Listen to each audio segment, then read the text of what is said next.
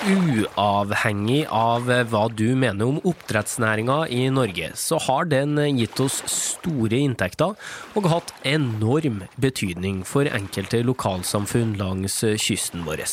Men det er jo begrensa hvor mange oppdrettsanlegg vi har plass til i rolig sjø ved land, så noen har begynt å bevege seg litt lengre ut, og enkelte lukter til og med på muligheten for oppdrett ganske langt ut til havs. Og i de røffe forholdene så er det viktig at det her blir så bra som mulig, både for fisk, miljø og mennesker.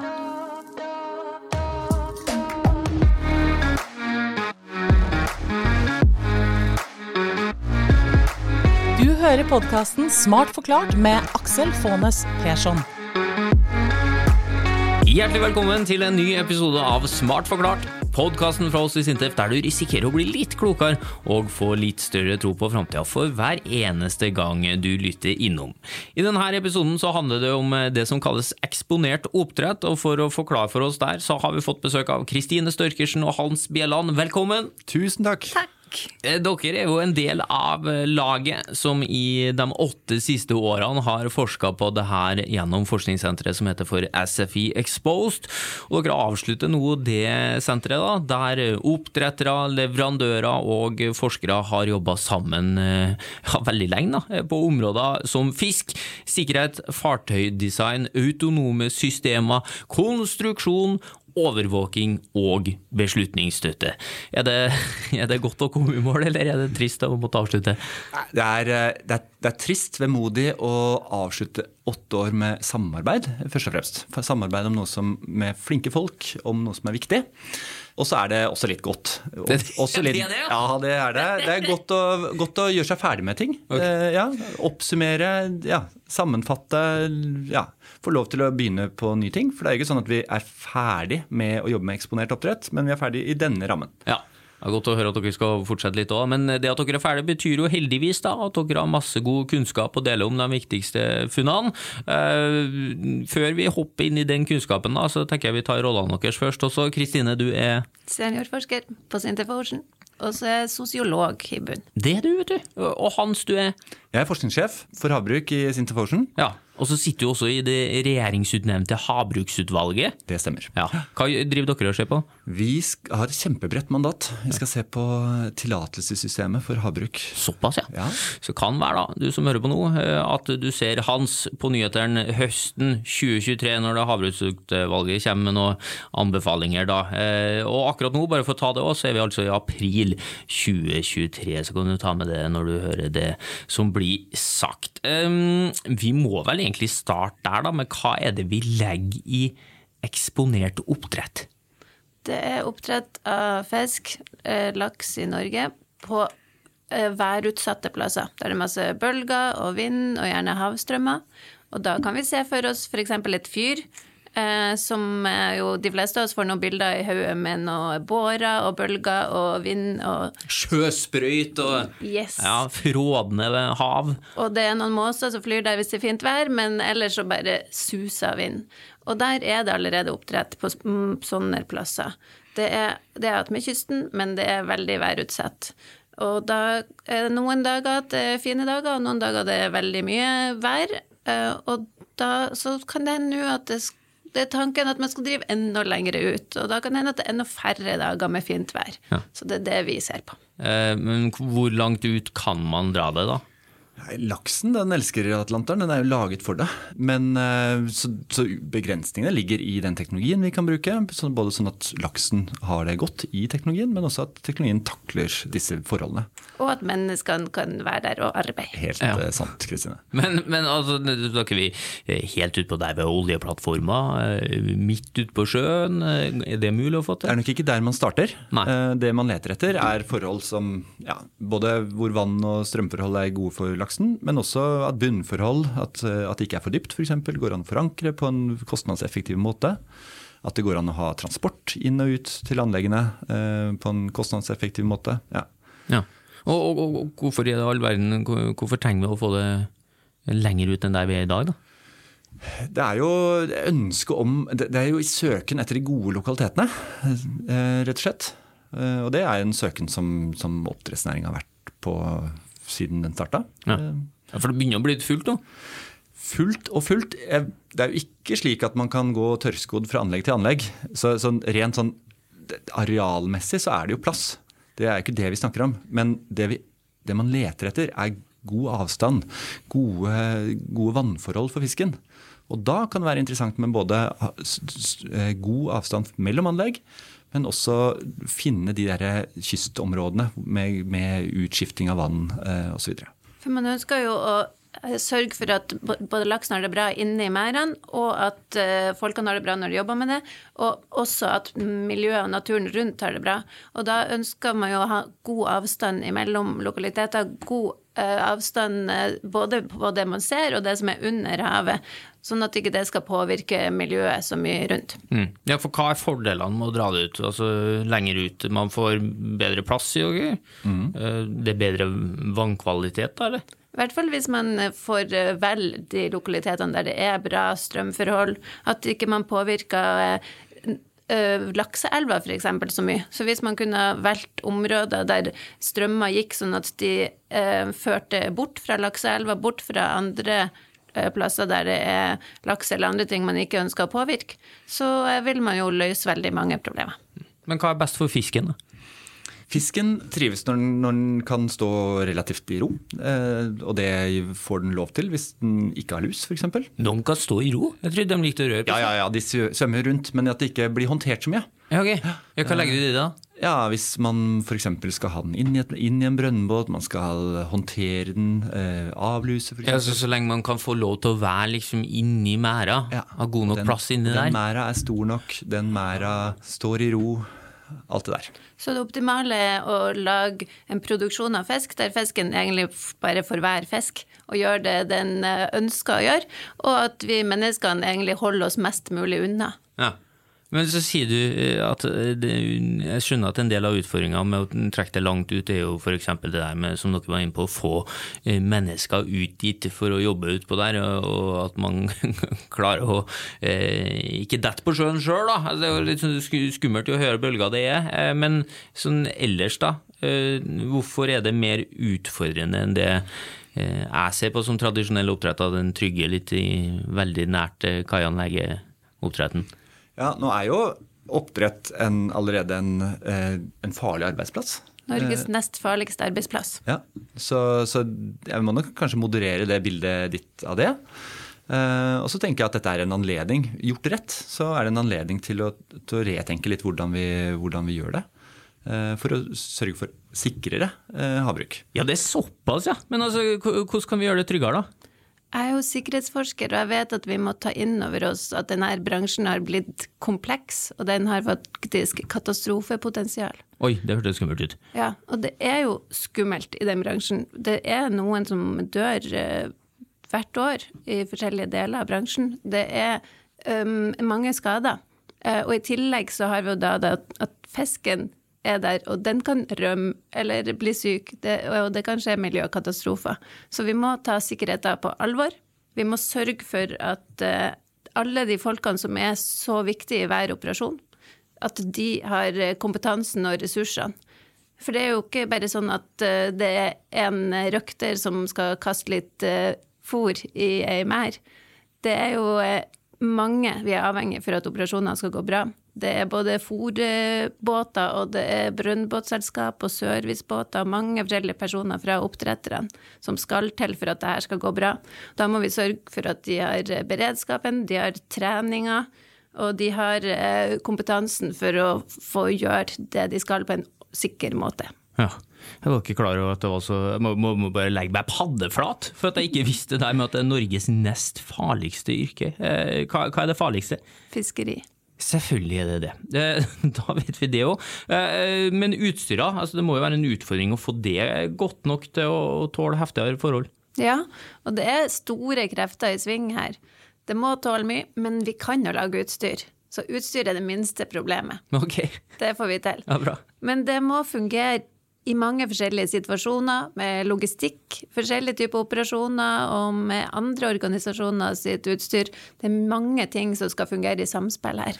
Og veldig mye av det som, det som skjer av operasjoner i havbruk i dag, det skjer i skvalpesonen. Liksom over, rett i overflaten. Og det er det ett sted som er, som er veldig liksom, fullt av krefter, eh, langt til havs, så er det akkurat i bølgesonen. Og Det er kanskje også noen av de løsningene vi ser på fremover. Det er å kunne f.eks. trekke fisken ned under eh, havoverflaten. Men akkurat der, der, når du skal håndtere fisken, så, så har vi en del eh, operasjoner vi må, vi må, løse og utvikle eh, for å kunne gjøre det. For bølger er utrolig fulle av kraft, fulle av energi. Um, og så er det kanskje ikke nødvendigvis de der, den bølgen som kommer en gang i året, som er liksom den enormt, eh, enorme bølgen eh, som, vi, som, vi, skal jobbe mest med heller. Men det er liksom alle de ukene hvor det er rufsete vær. Vi skal kunne gjøre, vi skal drive oppdrett på disse lokalitetene hver eneste dag. Mm. Vi kan ikke stenge ned et oppdrettsanlegg.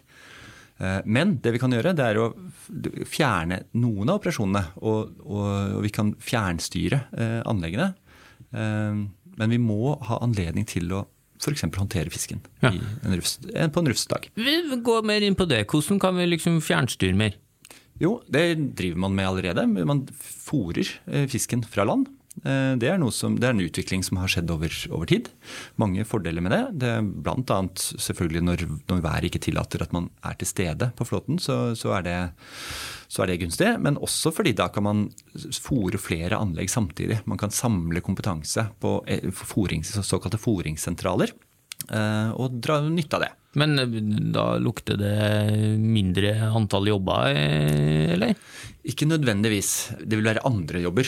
Ehm, og nå har ikke jeg sett sånn voldsom statistikk på, på akkurat det, men havbruk sysselsetter jo mange eh, folk. Og det å ha den samspillet mellom de som sitter på fôringssentralene og alle de som uansett må gjøre ting på anlegg, eh, er stadig viktigere. Ja, for det vil jo uansett hvor mye man automatiserer, eh, vel være fòring, det kan være andre operasjoner der man nå holder på med kran og båter. Det er mye sånn som kanskje man ser for seg at senere så kunne det gjøres helt autonomt eller fjernstyrt fra land.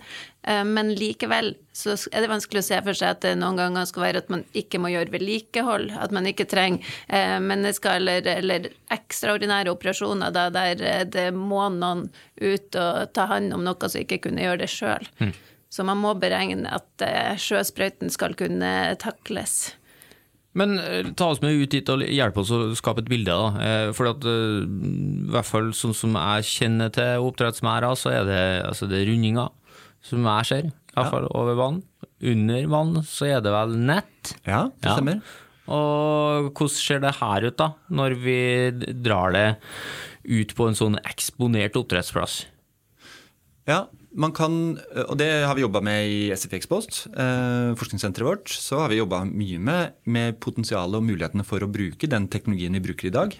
Eh, men da sett, sett på, på måte, ja, eh, fartøysdesign, eh, hvordan man kan gjennomføre operasjoner på de på en måte som gjør at de kan drives trygt eh, og effektivt på de lokalitetene man er i dag, og litt, litt mer ut. Internasjonalt så ser man jo at man bruker den teknologien i mye høyere bølgehøyder enn det vi gjør i Norge.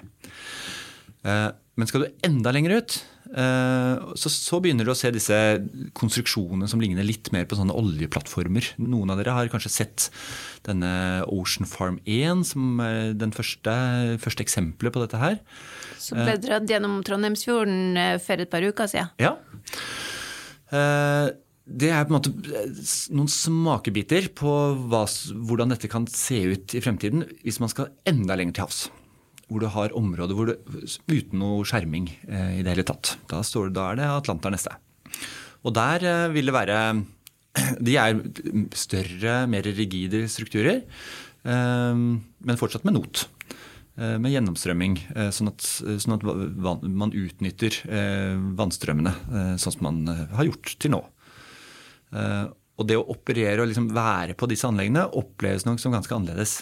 Okay de, du får en mye mer sånn plattformfølelse. Du blir gjerne løfta litt opp fra, fra bølge, bølgesonen. Og du integrerer, liksom kombinerer da å lage den mæra med sentralen, eller der, der hvor folk tilbringer tid. Der hvor man har fôr, eh, fôr lagra, eh, folk eh, oppholder seg osv. så Og den, den oppleves nok som mer stabil i vannet. Og så har du andre konsepter igjen, hvor, som er som sagt nedsenkbare. At du ser for deg at du, ser kanskje ikke så veldig mye på overflaten på en vanlig dag, men som du ta, hvor du tar opp anlegget innimellom. Eh, laksen den takler fint å være under vann, den. Eh, men den, må ha, den har en svømmelære som den må fylle med luft innimellom. Den må ha hva for noe? Den må ha luft. Så må liksom opp og snappe luft. Oh, ja. Så Normalt sett så går den jo til overflaten, men hvis du er nødt til å holde laksen under vann eh, over litt lengre tid, så kan du lage sånne kunstige atmosfærer. Så en liten sånn åh, Vanskelig å forklare. En men, eh, boble, liksom? Ja, en, boble, en liten sånn skal jeg, opp- opp-ned-kar med luft, som du da holder inn, ned under vann. Som laksen må da trene, trene på å liksom snappe luft i. Eh, Og det har man eksempler på at det fungerer fint. Så det, det, det er utrolig mye, mye som skjer, og veldig mange slags retninger kan du si, når det, når det gjelder nye havbrukskonstruksjoner. Og det vi kan si at mm, Et fellestrekk med mange av de nye konstruksjonene er jo at de er lagd for å prøve å unngå lus. Eller unngå at uh, man skal få inn eller ut ting man ikke ønsker å få inn eller ut. Man vil fortsatt, uh, som du sa Hans, så vil man fortsatt benytte seg av de strømmene og den her på en måte gratis vannutskifting av det som gjør at vi slipper å, å bruke elektrisitet eller pumper for å få nytt og fint eh, vann. Men man vil også hindre lus og sånne problemer, da. Ja, for lakselusa er et problem fordi Det er jo en, det er jo en parasitt som, som uh, har gjort seg uh, Gjennom evolusjon har, har, er ekspert på å finne laks, hvor hen den er. Eh, og den, et, den kan jo være et problem hvis det blir for mange på oppdrettslaksen. Men med de nivåene man har, har satt, satt, og begrensningene man har satt for oppdrettslaksen, så, så er hovedhensikten det er jo først og fremst å hindre at den skap, lager lus, eller som, hvor du produserer lus som blir et problem for uh, den villaksen. Den dør av den lusa, eller? Hvis den får for mye, så kan det gå utover uh, helse og, og robustheten til, til hele villaksstammen. Ja. Så det er jo motivasjonen for å holde kontroll på dette. Ja, Og det er vanskeligere for lusa å overleve hvis vannet blir skifta hele tida, hvis det er lenger ut enn eh, Ja, hvis, hvis det blir større avstand mellom anleggene, så, så, så vil du fortynne eh, problemet. Det er, det er én fordel med det. Men også eh, det å kunne tre, Lusa holder seg stort sett i overflate, eller de øverste delene av vannet. Så hvis du trekker laksen ned, eller i oppdrettsnæringa så bruker man sånne skjørt og mye annet sånn eh, andre klesmetaforer for å holde eh, for å holde skille eh, lus, som holder seg i øverste sjiktet, fra laksen, som holder seg kanskje i et dypere sikkert dypere. Fascinerende. Men jeg, synes, jeg mener jeg har hørt noe om at eh, For at dere sier at eh, plass er viktig. Ja. Altså både plass mellom merder, men også plass i selve merda. Eh, hvor, hvor mye større merder klarer man å, å lage hvis man drar det litt lenger ut enn der vi er i dag? Ja, det, Der er det veldig stor variasjon. Men hvis du tenker at en dagens, eh, dagens mære, sånn typisk, den er type 50 meter i diameter, 160 meter i omkrets, eh, noen titalls eh, meter dyp, så har du en not på en størrelse med en fotballbane. Altså Du får plass til en fotballbane nedi Nei, en fotballbane er, er nota, nota størrelse. Okay. Ja. Så hvis du, noen av de nye er kanskje fem-seks gangen så stor not. Eh, Så det gir jo kanskje et lite bilde av hvor, hvor store konstruksjoner man ser for seg. Så der under vann, altså, så vil man kunne tenke seg til at uh, nå så er det, det er ikke hele stadionet, men det er, det er i hvert fall uh, noen fotballbaner som flyter nedi på en lokalitet. Uh, så selv om vi nå bare ser de her ringene, kanskje, og ei flåte, så vil det under der være flere fotballbaner med, med nøter og med fisk. Og som skal være godt nok fra hverandre, så de får utnytte alt av gode stoffer fra vannet og sånt. Og så på de store konstruksjonene så vil det da variere, men det vil likevel kanskje være noen fotballst... Eller i hvert fall én fotballstadion som man kan da ha mer eller mindre laks i. Ja, det, det høres jo kjempebra ut, men det må jo være noe ulempe òg, da? Med å ha så mye mer, eller? Ja, Tenker du på rømming? Ja, for eksempel. Jo, det er klart, det er et, et av hensynene å liksom kanskje bekymringene når man skal ha mange fisk i én en enhet. Eh, I dag så har man en grense på 200 000 fisk i én en enhet. Eh, mye styrt av bekymringen for, for rømming og risikoen knytta til rømming fra én en enhet. Så skal du gå til større enheter eh, med flere, mer fisk i, i hver, så må du jobbe godt med risikoen. For vi kan, vi kan ikke akseptere høyere ri- rømningsrisiko. Nei, for det er jo kjempekrise da, hvis vi, hvis vi får plass til flere fisk. Så vil det jo flere rømme hvis det blir mulighet for å rømme. Klart. Hvordan unngår, unngår vi det? Jo, eh, da må vi jobbe godt med, med teknisk sikkerhet. Vi må jobbe med å lage konstruksjonene eh, robuste, sånn at de tåler eh, det vi, vi setter dem i. Og så må man jobbe med hvordan man gjennomfører operasjoner på en måte som, som ikke forårsaker rømming. For det vi ser av rømningshendelser i dag, det er at flere av de er forbundet med operasjoner. Altså, hva betyr det? Ja, altså når man, når man f.eks. skal avluse, når man skal gjøre noe med, med mæra, eh, Så skjer det et eller annet. så skjer det et eller annet. Ja. Eh, skal du transportere fisk fra en mær til en brønnbåt f.eks., så, så, så, som er et eksempel på noe, når noe kan skje. Og der eh, Nå har det vært sånn noen ganger at eh, det kunne ha vært at det ble et hull i nota pga. noe som skjedde i den operasjonen. Em, som man ikke merka, og som derfor noen fisk uh, kunne rømme ut av. Eller det har også vært uh, hendelser der man har glemt å sette nota ordentlig fast, f.eks. Så da er det jo greit å ha gode rutiner for at man dobbeltsjekker disse tingene. For det er jo ingen som ønsker å gjøre de feilene, men uh, når det først har skjedd, så burde man i hvert fall oppdage de. Ja, kan, kan maskiner hjelpe oss her òg? Ja, og det er jo noe av det vi har jobba med mye i dette senteret her. Det er behovet for at vi, når vi nettopp er lenger til havs, på mer eksponerte lokaliteter som gjør at det er vanskeligere å på en måte få den eh, ja, Gå rundt på mærkanten, rett og slett. Eh, Se, eh, ha den, der, den fysiske nærheten. Så må vi rett og slett bruke teknologi for å kunne overvåke. Vi må kunne dykke ned med, med undervannsfarkoster for å inspisere nota. Vi må utvikle andre sensorplattformer for å måle både not, hvordan nota har det, men også hvordan strukturen i anlegget for øvrig har det. Overvåke, det vi har gjort, er å overvåke eh, belastninger i forankringslinjer, f.eks. For, for å få et stadig bedre bilde av hvordan anlegget har det. Um, og Det gjør vi for å bl.a. hindre rømming, som vi nå har snakket om, men også for å, for å forstå hvordan å optimalisere operasjonene uh, for øvrig. Jeg tenkte å bare vise også det bildet at den, den her ringen som det ofte er, den uh, mæra som fisken er i de her vanligvis nå uh, i oppdrett, den er jo helt rund. Men når det krefter og vær og strøm som haler og drar i den, kanskje fra forskjellige retninger, kanskje legge en, eh, en båt til som blir hala og dratt litt i av, av vinden, og så er det bølger andre retninger som går under, da skal de tåle ganske mye, og vi skal være sikre på at ikke noe skjer som gjør at det blir noe hold i nota, f.eks. Mm. Og så er det sikkert noen av lytterne som nå hører at liksom, oi, denne nota den, den, den endrer form og sånne ting. Det høres jo så dramatisk ut. Men samtidig så er jo det noe av styrken til den teknologien vi bruker i dag. Det er at den tilpasser seg eh, miljøet. Eh, så den jobber liksom med, eh, og ikke mot bølgene. Men apropos krefter og sånn, altså hvordan, hvordan det, det med forankring her. Ja. Altså Hvordan unngår man at det her bare fyker av gårde med x antall laks oppi og fer andre steder der det egentlig skal ligge? Ja, men ja, det, det skjer ikke, og det er bl.a. Tak, takket være eh, utviklingen av den tekniske standarden eh, som brukes eh, i oppdrettsnæringa i dag. Ja, Hva er det som holder på plass, da? Ja, det er jo forankringslinjer, da. Ja, og det Rett og det vet slett vi noe masse- som går ned til havbunnen? Altså. Ja. ja.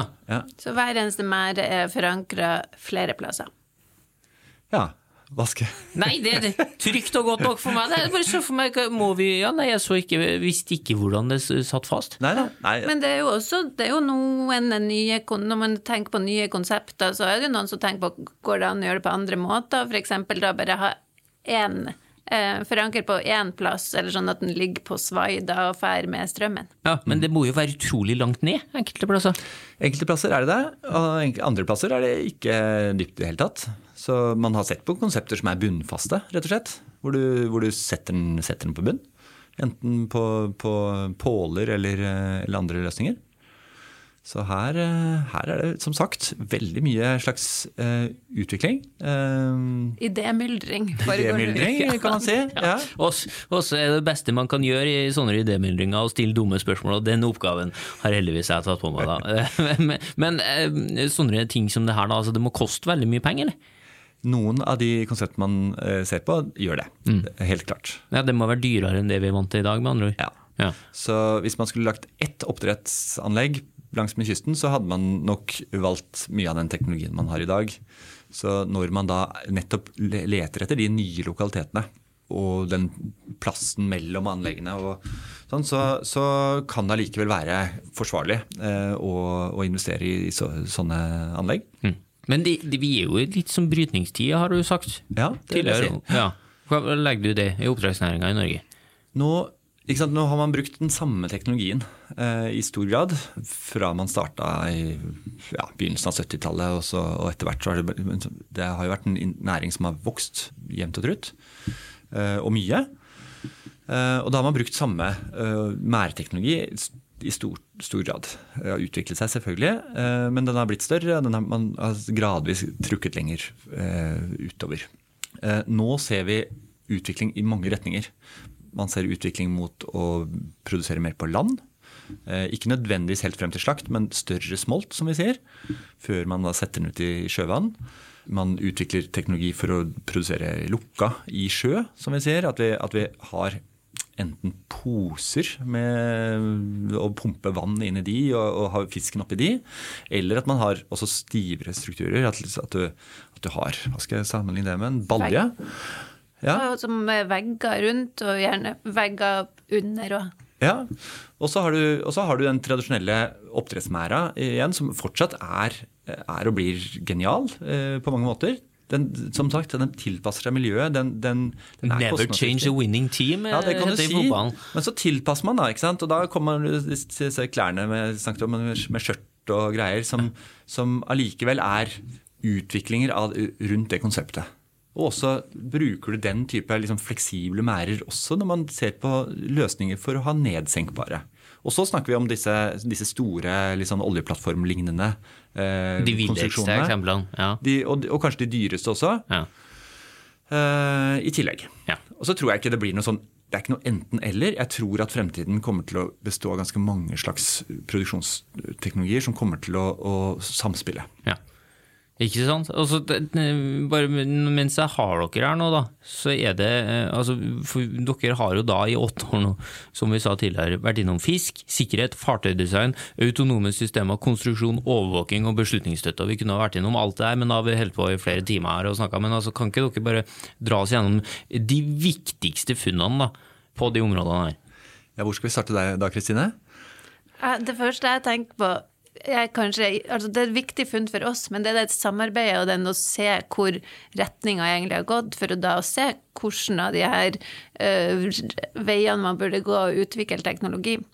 Um, men du Hans, kan jo sikkert si noen flere sånne innovasjoner som er gjort i dette senteret? Ja, vi har jo jobbet med innovasjoner, så det, liksom, det er jo kommet fartøyskonsepter som vi har utvikla, som er tilpassa nettopp eksponerte lokaliteter, som skal gi en trygg og stabil arbeidsplattform eh, og være egnet. Jeg har jobbet med designmetodikk for å nettopp utvikle den neste fartøyet også. Eh, nå har vi snakket en del om konstruksjoner, og det å måte, forstå godt hvordan man dimensjonerer de, eh, de og regne på det og lager sånne flotte digitale tvillinger og mye sånn snacks med det, eh, som er viktig for, for videre teknologiutvikling. Ja, som, som, bare for å legge til det, Digitale ja. tvillinger, veldig avanserte digitale kopier av virkeligheten, ja. så at man bl.a. kan sjekke hvordan de her tåler vær på sikt. Ja. Og hvordan da for eksempel det vi var innom at, at den runde merda forandrer seg til å ikke bli så rund lenger, og så legger det en båt attmed. Og det faktisk, da kan man forstå veldig mye mer hvis man har den digitale tvillingen til å forske litt på det uten å se hvordan det er i praksis. Ja. Og så, og så, trenger man for digitale tvillinger, og for, for, for, å forstå hva som skjer, rett og slett, eh, godt eh, uansett, så trenger man gode løsninger for å overvåke. Som jeg var innom det med Nota f.eks. Det er ikke bare Nota og konstruksjonene som må overvåkes, men også fisken. Man må være tett på fisken. Man må forstå hvordan fisken har det. Både når, du, når den får lov til å stå i fred, som vi snakket om i stad, at den skal få lov til å svømme rundt og, og, og, ha det bra. Vet du at den har det bra, så eh, kan du jo være sovet trygt om natta. Eh, men også være tett på fisken når, når man er nødt til å gjøre noe med den. Hvor Er det en brønnbåtoperasjon, noe noe som, du gjør med fisken, så må du vite at du gjør det på en skånsom måte. Eh, så da jobber vi med både kamerateknologi for å se fisken og tolke eh, kamerabilder. Vi jobber med ekkolodd eh, for å se hvordan fisken og hele, liksom hele fiskemengden beveger seg opp og ned, forholder seg til notveggen osv. Eh, og så har vi rett og slett sånne slags pulsklokker eller eh, eh små Akselerometer. Akselerometer. På fisken? I fisken, faktisk. I fisken? Ja, ikke Oi. alle fiskene, men det bruker vi som et sånn forskningsverktøy for rett og slett å måle hvordan fisken eh, svømmer, hva slags hjerterate eh, den har gjennom forskjellige typer operasjoner. For da kunne forstå den er, den er, så dårlig til å fortelle oss hvordan den har det. ja, uh, men vi må liksom prøve å finne ut ok, men, men, hvordan har du det nå? Hva gjør du når du er i en bølgehøyde av en viss størrelse? Hvordan takler du det da? Går du opp? Går du ned? Unngår du den? Uh, og så videre. Ja. Så spennende. Ikke sant? Ja, Fantastisk. Men uh, med, med, alt det her, da, uh, innabords, alt dere har notert dere, alt dere har funnet ut de siste årene. Altså, hvordan eh, mener dere at vi skal eh, gå fram da, for å få den eh, perfekte oppdrettsnæringa i Norge i årene som kommer?